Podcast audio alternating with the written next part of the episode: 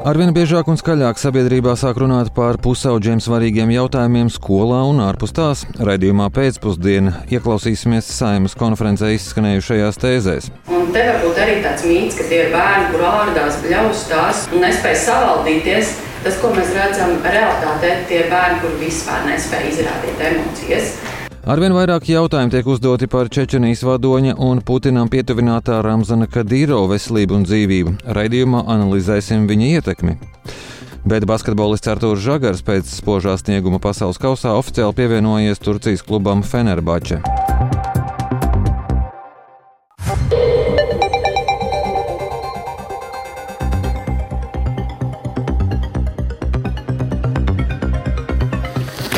Pulkstenis ir 16,5 minūtes, skan pirmdienas 18. septembra pēcpusdienas ziņu programma, skaidrojot šodienas svarīgākos notikumus. Studijā Lauris Zvejnieks esiet sveicināti! Klimata un enerģētikas ministrs Kaspars Melnis no Zaļo un Zemnieku savienības starp pirmajiem uzdevumiem amatā izvirzījis elektroenerģijas sadales tarifu samazināšanu. To viņš šorīt akcentēja intervijā TV3. Klimata un enerģētikas ministrija izstrādājusi labojumus energoresursu cenu ārkārtēju pieaugumu samazinājumu pasākumu likumā paredzot daļai kompensēt sadales sistēmas tarifus. Par to ziņo portāls Delfi. Koalīcijai atbalstot šīs izmaiņas, pār likuma labojumiem būs jālemj ministru kabinetam, bet gala lēmums jā jāpieņem saimai. Savukārt Latvijas radio labrīt programmā šorīt izvaicājām sadales tīklas valdes priekšsēdētāju Sandu Jansonu. Runājot par elektroenerģijas sadales sistēmas attīstības plānu desmit gadiem, viņš iezīmēja, kādiem mērķiem plānots novirzīt investīcijas, norādot, ka esošais tarifu līmenis nosedz investīcijas, tādēļ tarifiem nevajadzētu kāpt. Viena trešdaļa no investīciju izmaksām aiziet jaunu pieslēgumu līdzfinansēšanā. Jā, tas ir apmēram 30 miljoni. Tas ir jauni pieslēgumi, jauni klienti, tiek jaunas teiksim, līnijas, lai šos klientus pieslēgtu mūsu tīklu. Un tad ir virkne mazāku pozīciju, bet kas ir attiecās uz mūsu pašu specializētās tehnikas maiņu, uz nekustamā īpašuma atjaunošanu, bet nu, tas ir tāds 10% ietvaros. Labā lieta ir, ka investīcija plānā mums ir iezīmēts pirmo reizi Eiropas finansējuma naudas. Ir divas programmas, gan atvesļošanās un noturības mehānismu ietveros, un arī Repower EU programmas ietveros uh, katru gadu ap kaut kādiem 20, 30 miljoniem, kur mēs papildus varēsim ieinvestēt tieši jau tādās lielākās pārbūvēs, izbūvēt jaunas apakšstacijas, izbūvēt jaunas vidējās sprieguma kabeļu līnijas, lai būtu arī ten, tas uh, lielais mugurkauls drošāks un uh, gatavs pieņemt jaunus klientus jaunu zaļo enerģiju un uh, būt teiksim, atbilstoši laika prasībām. Bet uh, kas desmit gadus plānā ir rakstīts par sadalījuma tīklu tarifiem? Šīs investīcijas īstenībā jau ir vērstas tā, lai mums pēc iespējas mazāk vajadzētu turēt uh, operatīvos līdzekļus, tādus tehniskos līdzekļus, lai uzturētu šo tīklu.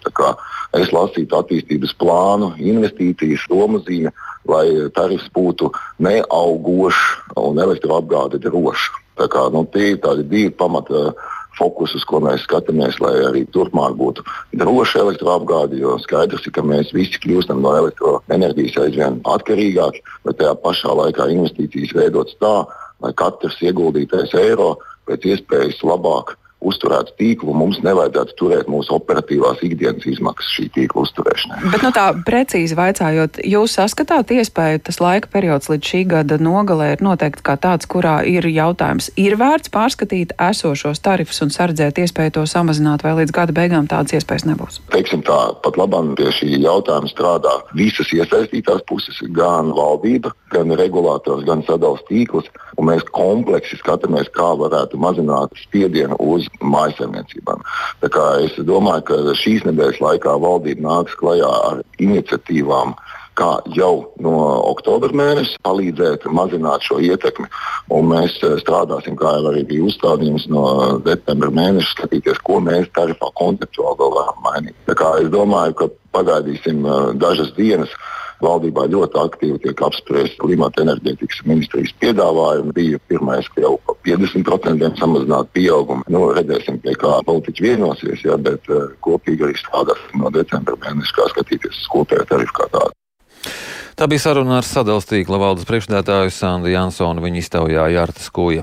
Kam tiek valsts budžeta nauda? Tas ir nosaukums raidījuma, kas notiek Latvijā rakstu sērijai portālā LSM portālā par to, kā tērē nodokļu maksātāja naudu, un šoreiz plašāks materiāls saistībā ar iepirkuma Latgales plānošanas reģiona vajadzībām bija paredzēts pirkt dārgu elektroautomobīlu, taču pēc tam, kad interese par iepirkumu izrādīja, kas notiek Latvijā, iepirkumu pārtrauc. Kas īsti bija plānots saistībā ar šo ieceru iegādāties ļoti dārgu elektroauto Latgales plānošanas reģionam, stāsta, kas notiek Latvijā redaktore Zane Mače. Tātad Latvijas plānošanas reģions bija nolēmuši iegādāties elektroautobīli e, ar e, specifikāciju, kurā bija prasība tāda, ka ar to jāspēj nobraukt ar vienu uzlādi vismaz 500 km. Tam jābūt pilnpiedziņai. Un e, auto ekspertiem jautājot, ko šī specifikācija nozīmē, kādu auto var nopirkt. Visi kā viens teica, ka te ir runa par nu, tādiem dārgiem spēkratiem, kā piemēram Audi e-tronu, Q8 uh, to pašu Teslu, kuru gan Latvijā neviens oficiāls autodīleris netirgo, bet tas dot iespēja caur savā, citādākiem kanāliem ar starpnieka palīdzību iegādāties uh, Ford, Mustang, uh, elektroautobīļu un vēl virkne, kuri visi ir nu, vismaz sākot no kaut kādiem 60 tūkstošiem uz uh, augšu. Un Latvijas plānošanas reģions bija plānojis tērēt vismaz 42 tūkstošus eiro bez PVN. Un, nu, mēs pievērsām šim uzmanību tāpēc, ka nu, Latvijā, kur, kā zināms, šobrīd, piemēram, Reizekne ir teju bankrota priekšā, un Reizekne te var pieminēt, tāpēc, ka Latvijas plānošanas reģiona um, padomjas priekšsēdētāja vietnieks ir Bartaševičs, vēl joprojām Reizeknes mērs. Un, nu, viņi bija nolēmuši šādu auto pirkt. Nu, kā zināms, šobrīd pagaidām tāds iepirkums um, ir piebremzēta. Jā, bet nu, kāds šai lietai un iespējams arī citām līdzīgām lietām varētu būt turpinājums, ņemot vērā, ka zaļais kurs ir tas izvēlētais ceļš, tātad elektroauto. Patiesi varbūt ir nepieciešams, turklāt pašvaldība arī skaidroja, kādēļ pa Latgals ceļiem ir jābrauc ar tādu īpaši aprīkotu mašīnu un šķiet, ka pat varam neiebilda pret tik dārgu auto iegādi.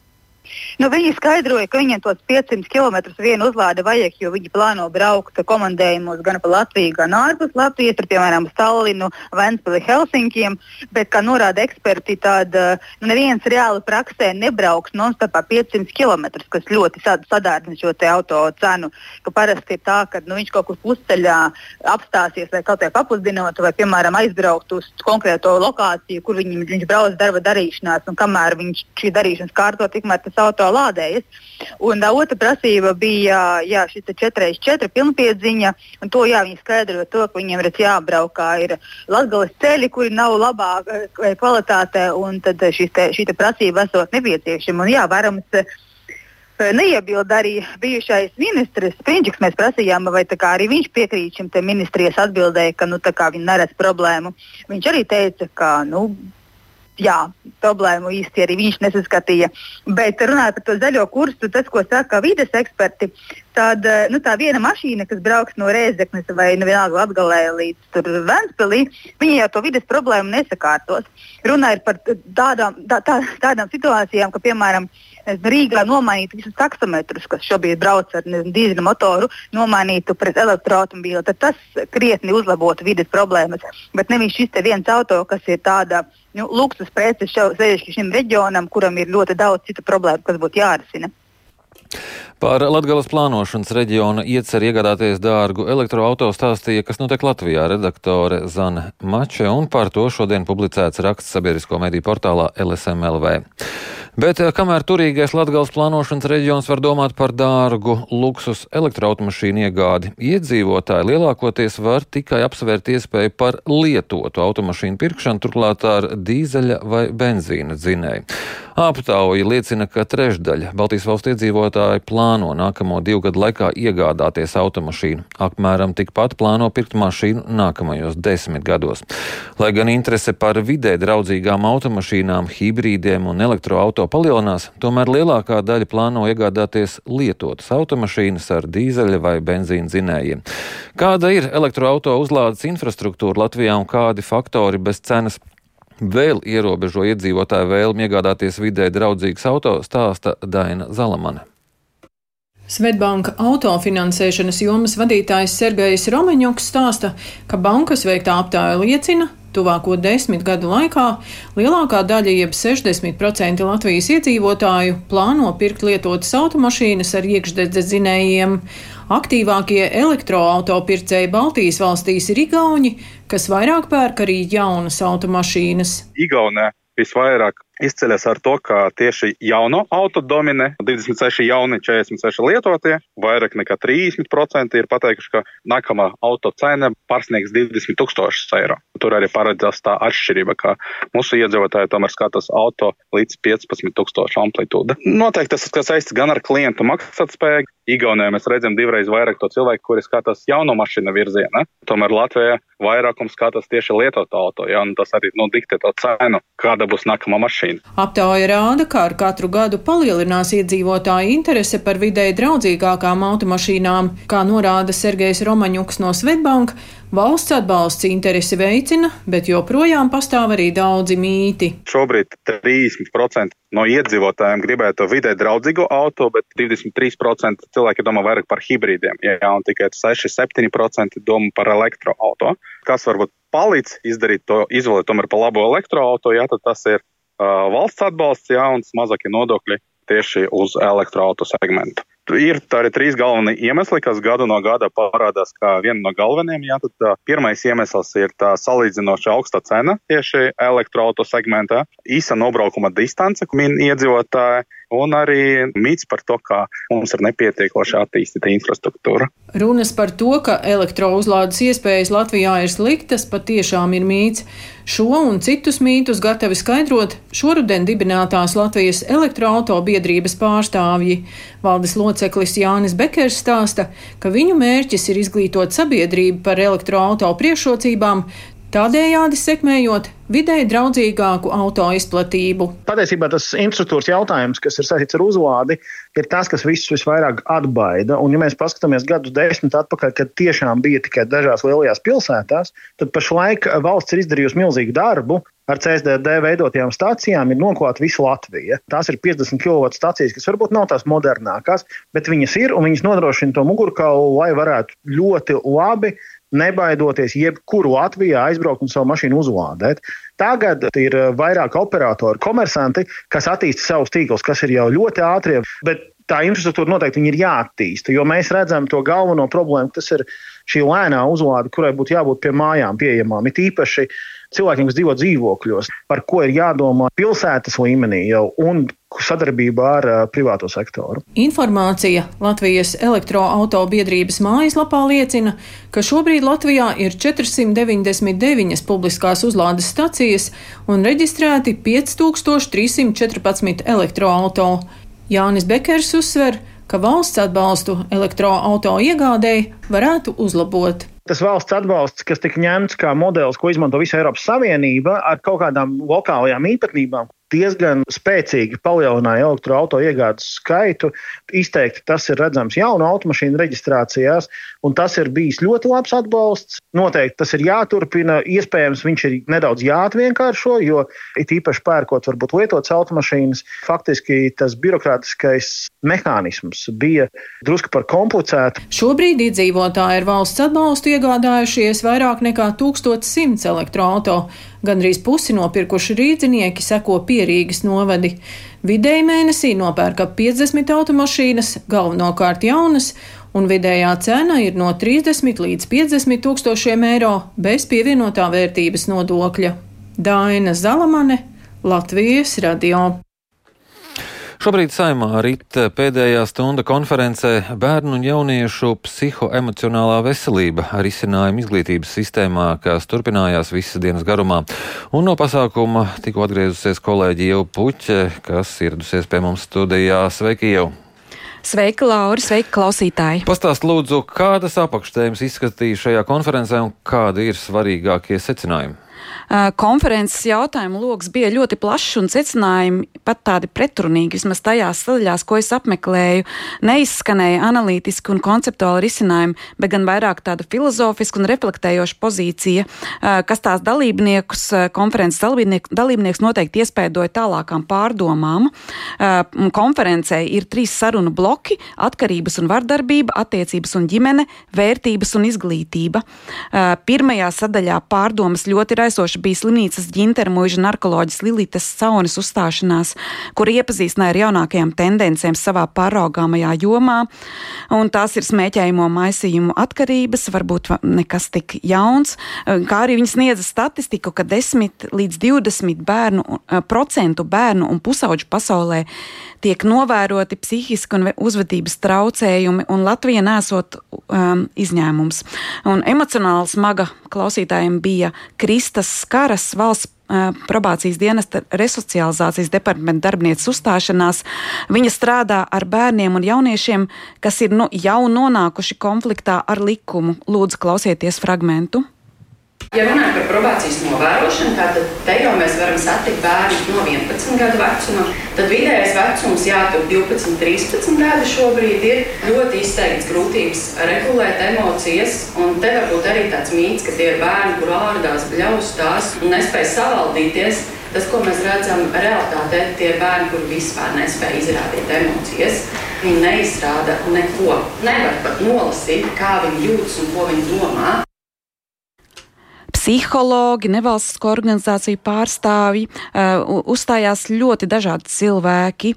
Piemēram, Kaspars Prūsis atbalsta centra tilts vadītājs runāja par emocionāli traumētiem bērniem izglītības sistēmā, mācītājs un attiecības speciālists Dainis Pandars par individualisma kultūru ģimenē. Dina Florena, ģimenes ārste, veselības mācības ietekme uz individu un sabiedrības nākotni, par pusauģiem, kuri vēl vēlas mainīt dzimumu Nils Konstantinovs, pusauģu psihoterapeits. Tā kā fokus uh, konferencē bija um, virzījās uz vardarbību, kā uz psihoemocionālās uzvedības riska faktoru, uh, es jautāju Nikitam, Nikitam Bezbarodovam, veselības ministrijas galvenajam speciālistam bērnu psihi psihiatrijā, kā tad īsti ir, vai, vai vardarbība šobrīd skolu vidē samazinās vai, vai palielinās. Gada nogalē līdz 31. decembrim izglīt, izglītības zinātnes ministrijai ar, un veselības un labklājības ministrijām ir arī jāizstrādā informatīvais ziņojums par uh, š, uh, vardarbības risku sam, samazināšanu. Klausieties, ko atbildēja Nikita Bezbarodovs. Uz šo jautājumu atbildēt īsti nevar, jo mums vienkārši trūks datu, uz ko balstīties. Bet, ja mēs eh, tā globāli skatāmies uz pasaules vēsturi, tad eh, mēs zinām, ka mēs kā suga laika gaitā kļūstam mazāk vardarbīgi. Atkal statistiski runājot, pa simts gadiem skatoties, ir mazāk karu. Un, eh, ko, protams, ka pašreizē situācija tā grūti noticēt, ja ņemot vērā karu Ukrainā. Tas, kas droši vien ka mainās, ir mūsu kā sabiedrības tolerance pret vardarbību. Un tā ir laba ziņa. Probācijas dienesta darbiniece minēja, ka riska grupā galvenokārt ir zēni. Arī probācijas dienas pamatā strādā ar zēniem. Un otrs jautājums, ko es uzdevu Nikitam Bezborodovam, kā viņš tulko to, ka konferences dalībnieku vidū, tāda speciālisti, kas risina šie, šo problemātiku, 90% bija dāmas. Lūk, Bezborodova komentārs. Protams, ka mēs gribētu redzēt uh, vairāk vīriešu, kas strādā par pedagogiem. Es labprāt redzētu vairāk vīriešu ārstus, ja tad uh, bērnu psihiatrus. Un ir nu, kaut kāda globāla sociāla problēma. Vēsturiski tā ir izveidojusies. Droši vien, ka tas ir tāds bišķiņa asti no padomju laikiem un sistēmas. Ja tad kā, nu, vīrieši šīs palīdzošas profesijas izvēlas mazāk. Un, nu, ļoti žēl, vajadzētu vairāk. Arī konferences šobrīd, acīm redzot, tuvojas nobeigumam, un gada izskaņā mēs gaidīsim šo informatīvo zino, ziņ, ziņojumu uh, par vardarbības risku samazināšanu. Um, ļoti, ļoti ceram, ka um, tiešām šim plašajam uh, pasākumam būs arī kāds um, tiešām derīgs grauds. Par bērnu un jauniešu psihonomālās veselības risinājumu izglītības sistēmā un tā veltīto konferenci stāstīja kolēģi Iela Puķa.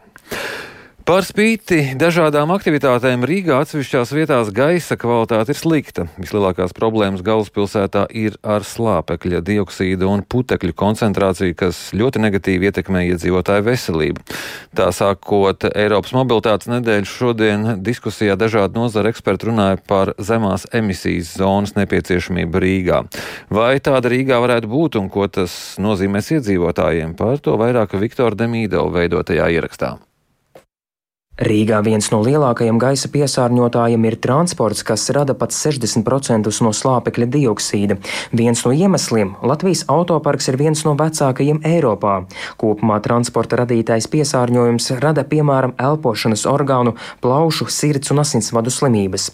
Tā šodien diskusijā, vai Rīgā nepieciešama zemo emisiju zona, norādīja eksperti. Pēc valdības noteiktajām piesārņojuma robežvērtībām Rīgā situācija ir samērā pieņemama, taču Pasaules veselības organizācijas aprēķinātie skaitļi ir zemāki. Uz tiem Eiropas komisija plāno pāriet 2030. gadā, turpina Rīgas domas mājokļu un vides departamenta pārstāve Evita Vītola. Ja mēs paskatāmies uz PM10, tad samazinājums, piemēram, varētu būt pat uz pusi. Ja tagad ir 40 mikrogramus kubikmetru, tad nākotnē iespējams sasniedzamies mērķis būs 20 mikrogramus kubikmetru, un līdzīgi arī ar citām vielām. Pat ja mēs tagad varam teikt, ka Rīgā gaisa kvalitāte ir salīdzinoši laba, izņemot atsevišķas pilsētas vietas, kur mums ir problēmas, tad nākotnē tas nozīmē, ka mēs nevaram atslābt un mums ir jāstrādā pie tā, lai pēc kaut kāda laika mums nebūtu atkal liels problēmas. Kā iespējamo risinājumu eksperti min zemās emisijas zonu. Tā ir pilsētas kāda teritorija, kurā ar dažādiem risinājumiem mēģina uzlabot gaisa kvalitāti un cilvēku veselību. Galvenais ir mainīt cilvēku paradumus, priekšroku dodot sabiedriskajam transportam, velosipēdiem, elektroskrējējiņiem un gājējiem. Tas nozīmē, ka privātais autotransports vairs nebūs vēlams. Rīgas domas pilsētas attīstības departamenta pārstāvis Andrzejs Stepančuks piemin, ka Pagājušajā gadā zemo emisiju zonas bija 320 Eiropas Savienības valstu pilsētās, kurai no tām Rīga vēlas līdzināties. Stepančuks nevēlējās saukt, pieminot, ka iespējamie risinājumi ir dažādi. Piemēram, darba dienās nedrīkst iebraukt pilsētas daļā, piemēram, nevis visu dienu, bet uh, tieši tajās aktīvākajās stundās, kad mēs redzam, ka ir problēmas, un tad, piemēram, naktas stundās šī pārvietošanās ir uh, brīvāka. Tāpat arī dažās pilsētās iedzīvotājiem dotas, piemēram, uh, Antverpē, manuprāt, astoņas dienas gadā, kad tev ir tāda tā caurlaižu sistēma, apzinoties to, ka arī Rīgā daudziem citu necentra apkaimē iedzīvotājiem viņiem ir šīs astoņas vai x dienas gadā, kad viņš var doties arī ar savu vecāku transporta līdzekli, saņemt šo pakalpojumu. Vienkārši mēģina panākt tā, lai viņš to nedara katru dienu. Rīgā pirms pāris gadiem bija izstrādāts plāns, kā līdz 2025. gadam pilsētā uzlabot gaisa kvalitāti. Uz paveikto kritiski raugās apvienības pilsēta cilvēkiem vadītājs Kārlis Krēķis. 30 km zonu ieviešana centrā notiek ļoti lēni. Ir tikai atsevišķas zonas, kontrole tur minimāli, principā līdz to tas īsti nenotiek. Par mobilitātes punktiem pierīgā tur savukārt pierīgas pašvaldības nevēlas ieguldīt tajā naudu, jo nu, tad, tad viņiem tā problēma viņus neskar. Ja, tad cilvēki brauc uz Rīgu, izmanto Rīgas infrastruktūru un Rīgas domā jātiek ar to galā. Nu, Patās, piemēram, runāja satiksmes departamenta pārstāvi, kurš teica, ka uz Vanšu tilta, piemēram, nebūs sabiedriskā transporta joslas, jo nu, tas kavēja satiksmes plūsmu. Diemžēl Rīga domā par satiksmi kā par eh, transporta vienību skaitu, nevis par eh, pārdāto cilvēku skaitu. Pašvaldībā pieļauj, ka par zemās emisijas zonu domē varētu balsot ne agrāk kā pēc diviem gadiem. Viktors Demidovs, Latvijas radio. Kas noticis ar Čečenijas līderi Ramzanu Kadīrovu, ko izdevies atrast pludmales atkritumu zīmola audita talkā, kā basketbolista Artūra Žagara karjeru ietekmēs nonākšana Stambuls klubā Fenerbahče? Pār to pēcpusdienas turpinājumā.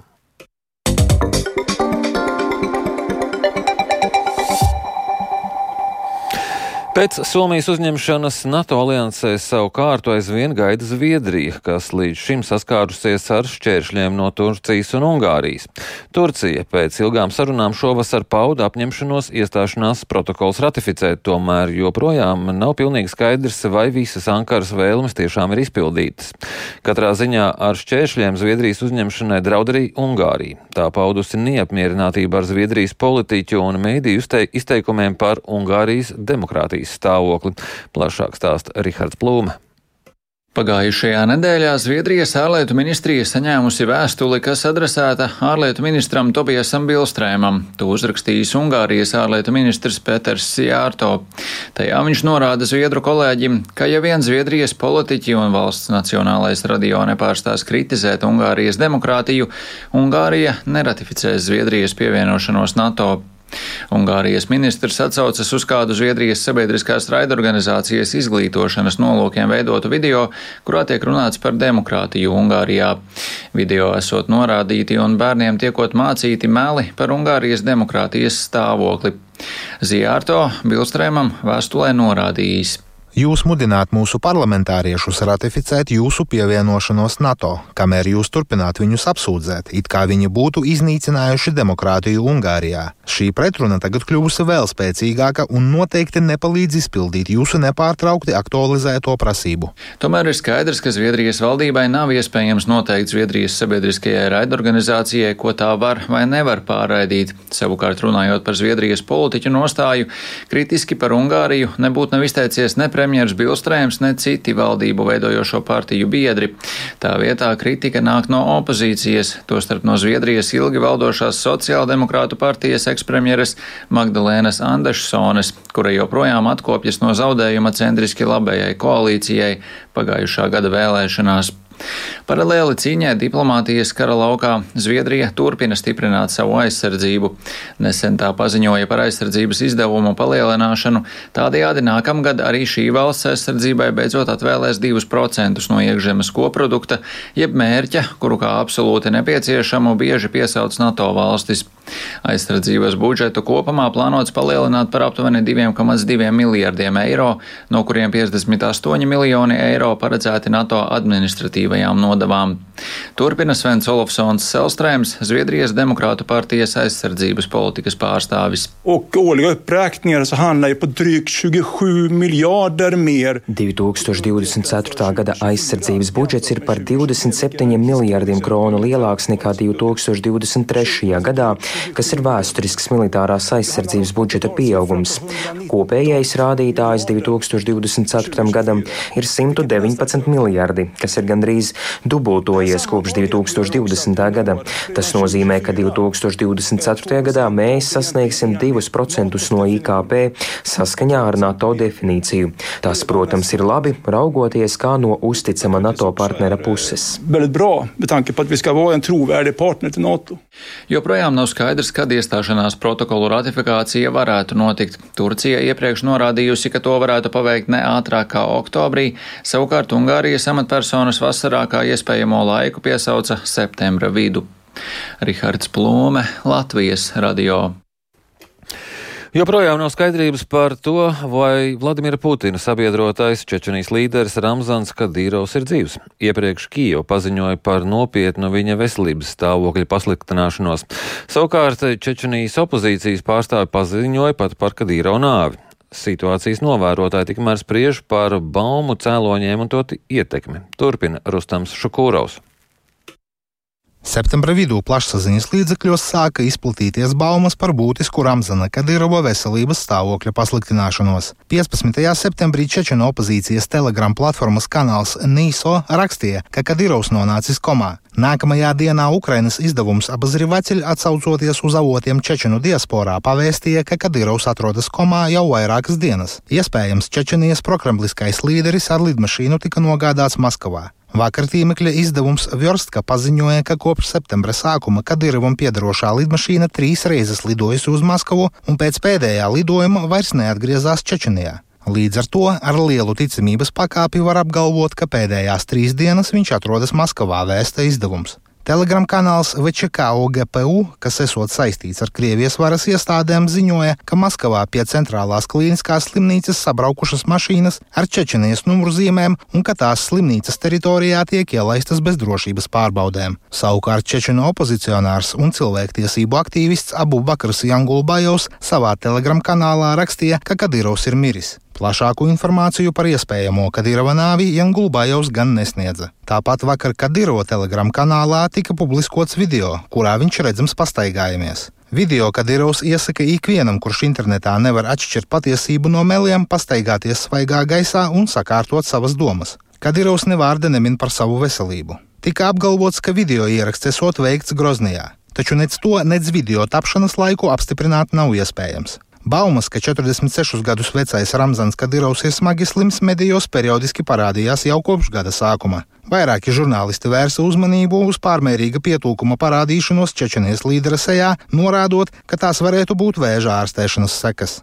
Cilvēktiesību centra memoriāls padomas loceklis Aleksandrs Čerkasovs tikmēr telekanāla Karin Time ēterā norādīja, ka baumas par iespējamo Kadirova nāvi ir cieši saistītas ar daudzu cilvēku cerībām, ka tā pienāks. Да, все это соответствует роли Кадырова. Jā, tas viss atbilst Kadīrova lomai pašreizējā Čečenijas stabilitātē. Stabilitāte tādā nozīmē, ka tā ir sistēma, kas ir pielāgota vienai personai un balstās uz šīs vienas personas esamību. Tāpēc pretinieki gaida viņa nāvi, ticot, ka pēc tās viss sabruks, un tāpēc viņa atbalstītāji pulcējas ap viņu, jo no tā, kas ir viņa tuvumā, būs atkarīga tālākā notikuma attīstība. Bet kas tad notiks? А что будет дальше? Spriežot par baumu ietekmi uz iedzīvotājiem, Čečenijā Čerkasovs atzīmēja, ka Ziemeļkaukāza republikā ir daudz cilvēku, kurus Krievija nevajā saistībā ar viņu dalību Pirmajā un Otrajā Čečenijas karā, pateicoties Kadiro personīgajām garantijām. Таким гарантом для Чечни, для многих в Чечне выступает именно Рамзан. Ramzans priekš daudziem Čečenijā ir kā drošības garants, kas neļauj sākt jaunu karu vai izvērst represijas pret iepriekšējo karu dalībniekiem. Tas, ka Maskava Ramzanu uzskata vienlaikus par stabilitātes garantu Kaukāza reģionam ir tas, uz kā balstās visa viņa sistēma.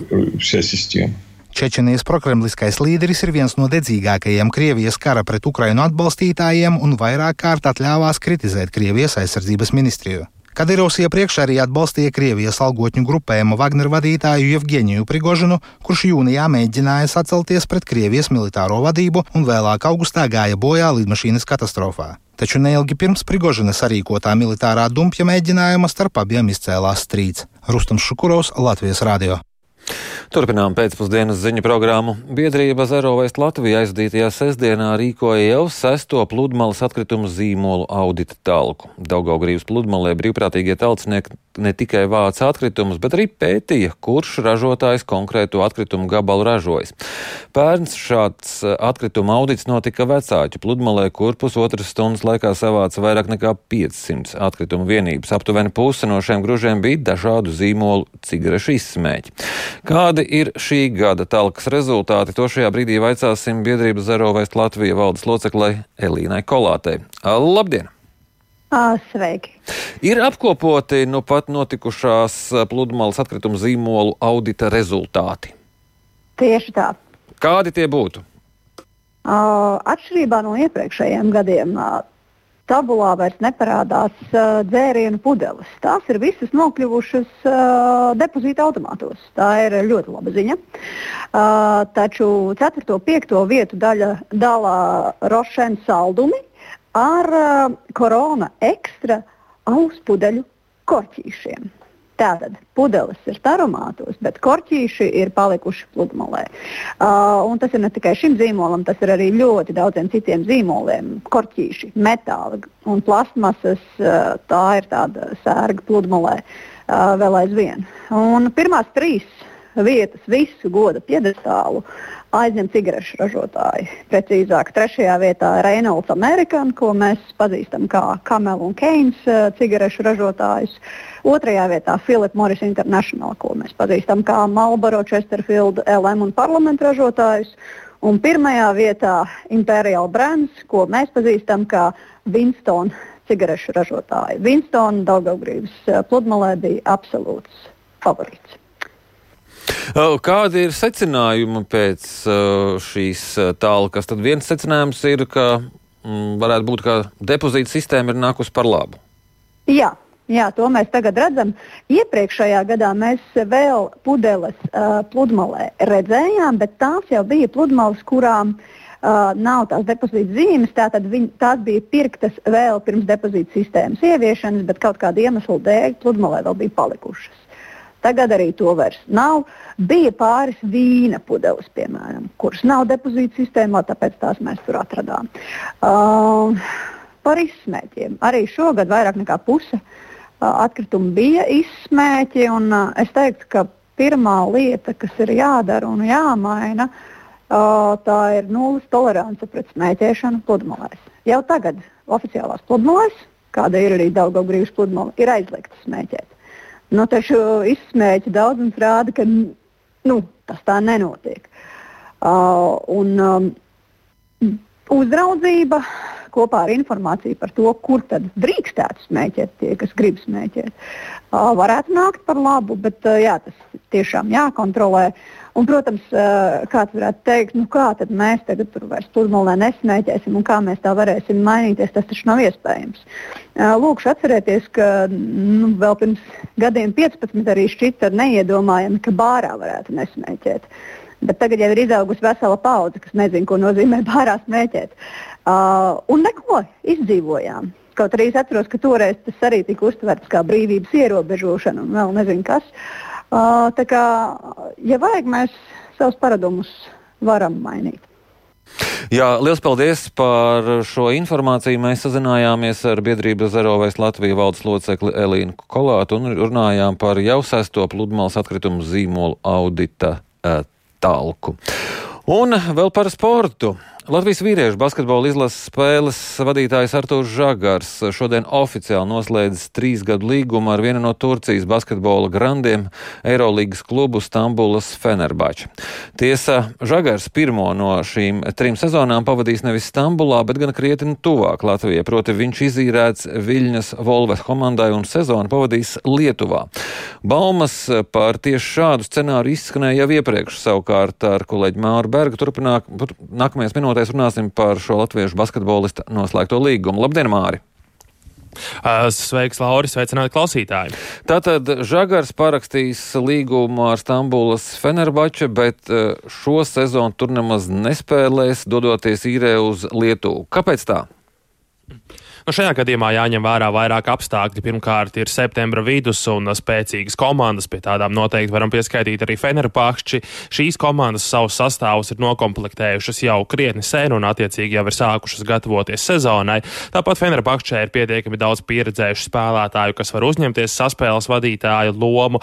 Viens no tādiem spēlētājiem Rauls Neto pasaules kausā iedzīvojās traumā un kādu laiku nespēlēs, bet Fenerbahčē tik un tā pietiek spēlētāju, kam spēlēt saspēles vadītāju pozīciju pozīcijā, un līdz ar to viņi Arturam Žagaram nevar garantēt daudz minūšu, bet daudz minūtes tas ir tas, kas ir vajadzīgs spēlētājam 23 gadu vecumā, un arī pats Žagars savās intervijās nav slēpis, ka aizvadītā sezona, kuru viņš pavadīja Kedēņu un Jevēžis komandā Lietuvā, viņam ļoti, ļoti nāca par labu, jo viņš tur varēja spēlēt, viņš spēlēja daudz, viņam šajā komandā uzticējās.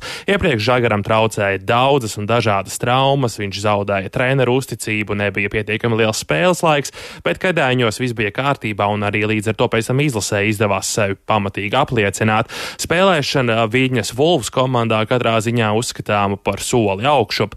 Viļņas Vulvs kluba prezidents, kādreiz Lietuvas izlases spēlētājs Rimans Kaukēns, šodien sarunā ar Latvijas radio pauda, ka Žagars spējas apliecināt savu progresu un arī pasaules kausa laikā viņš nodemonstrēja savu varēšanu. Klausāmies! Arthurs improved a lot, keeps improving.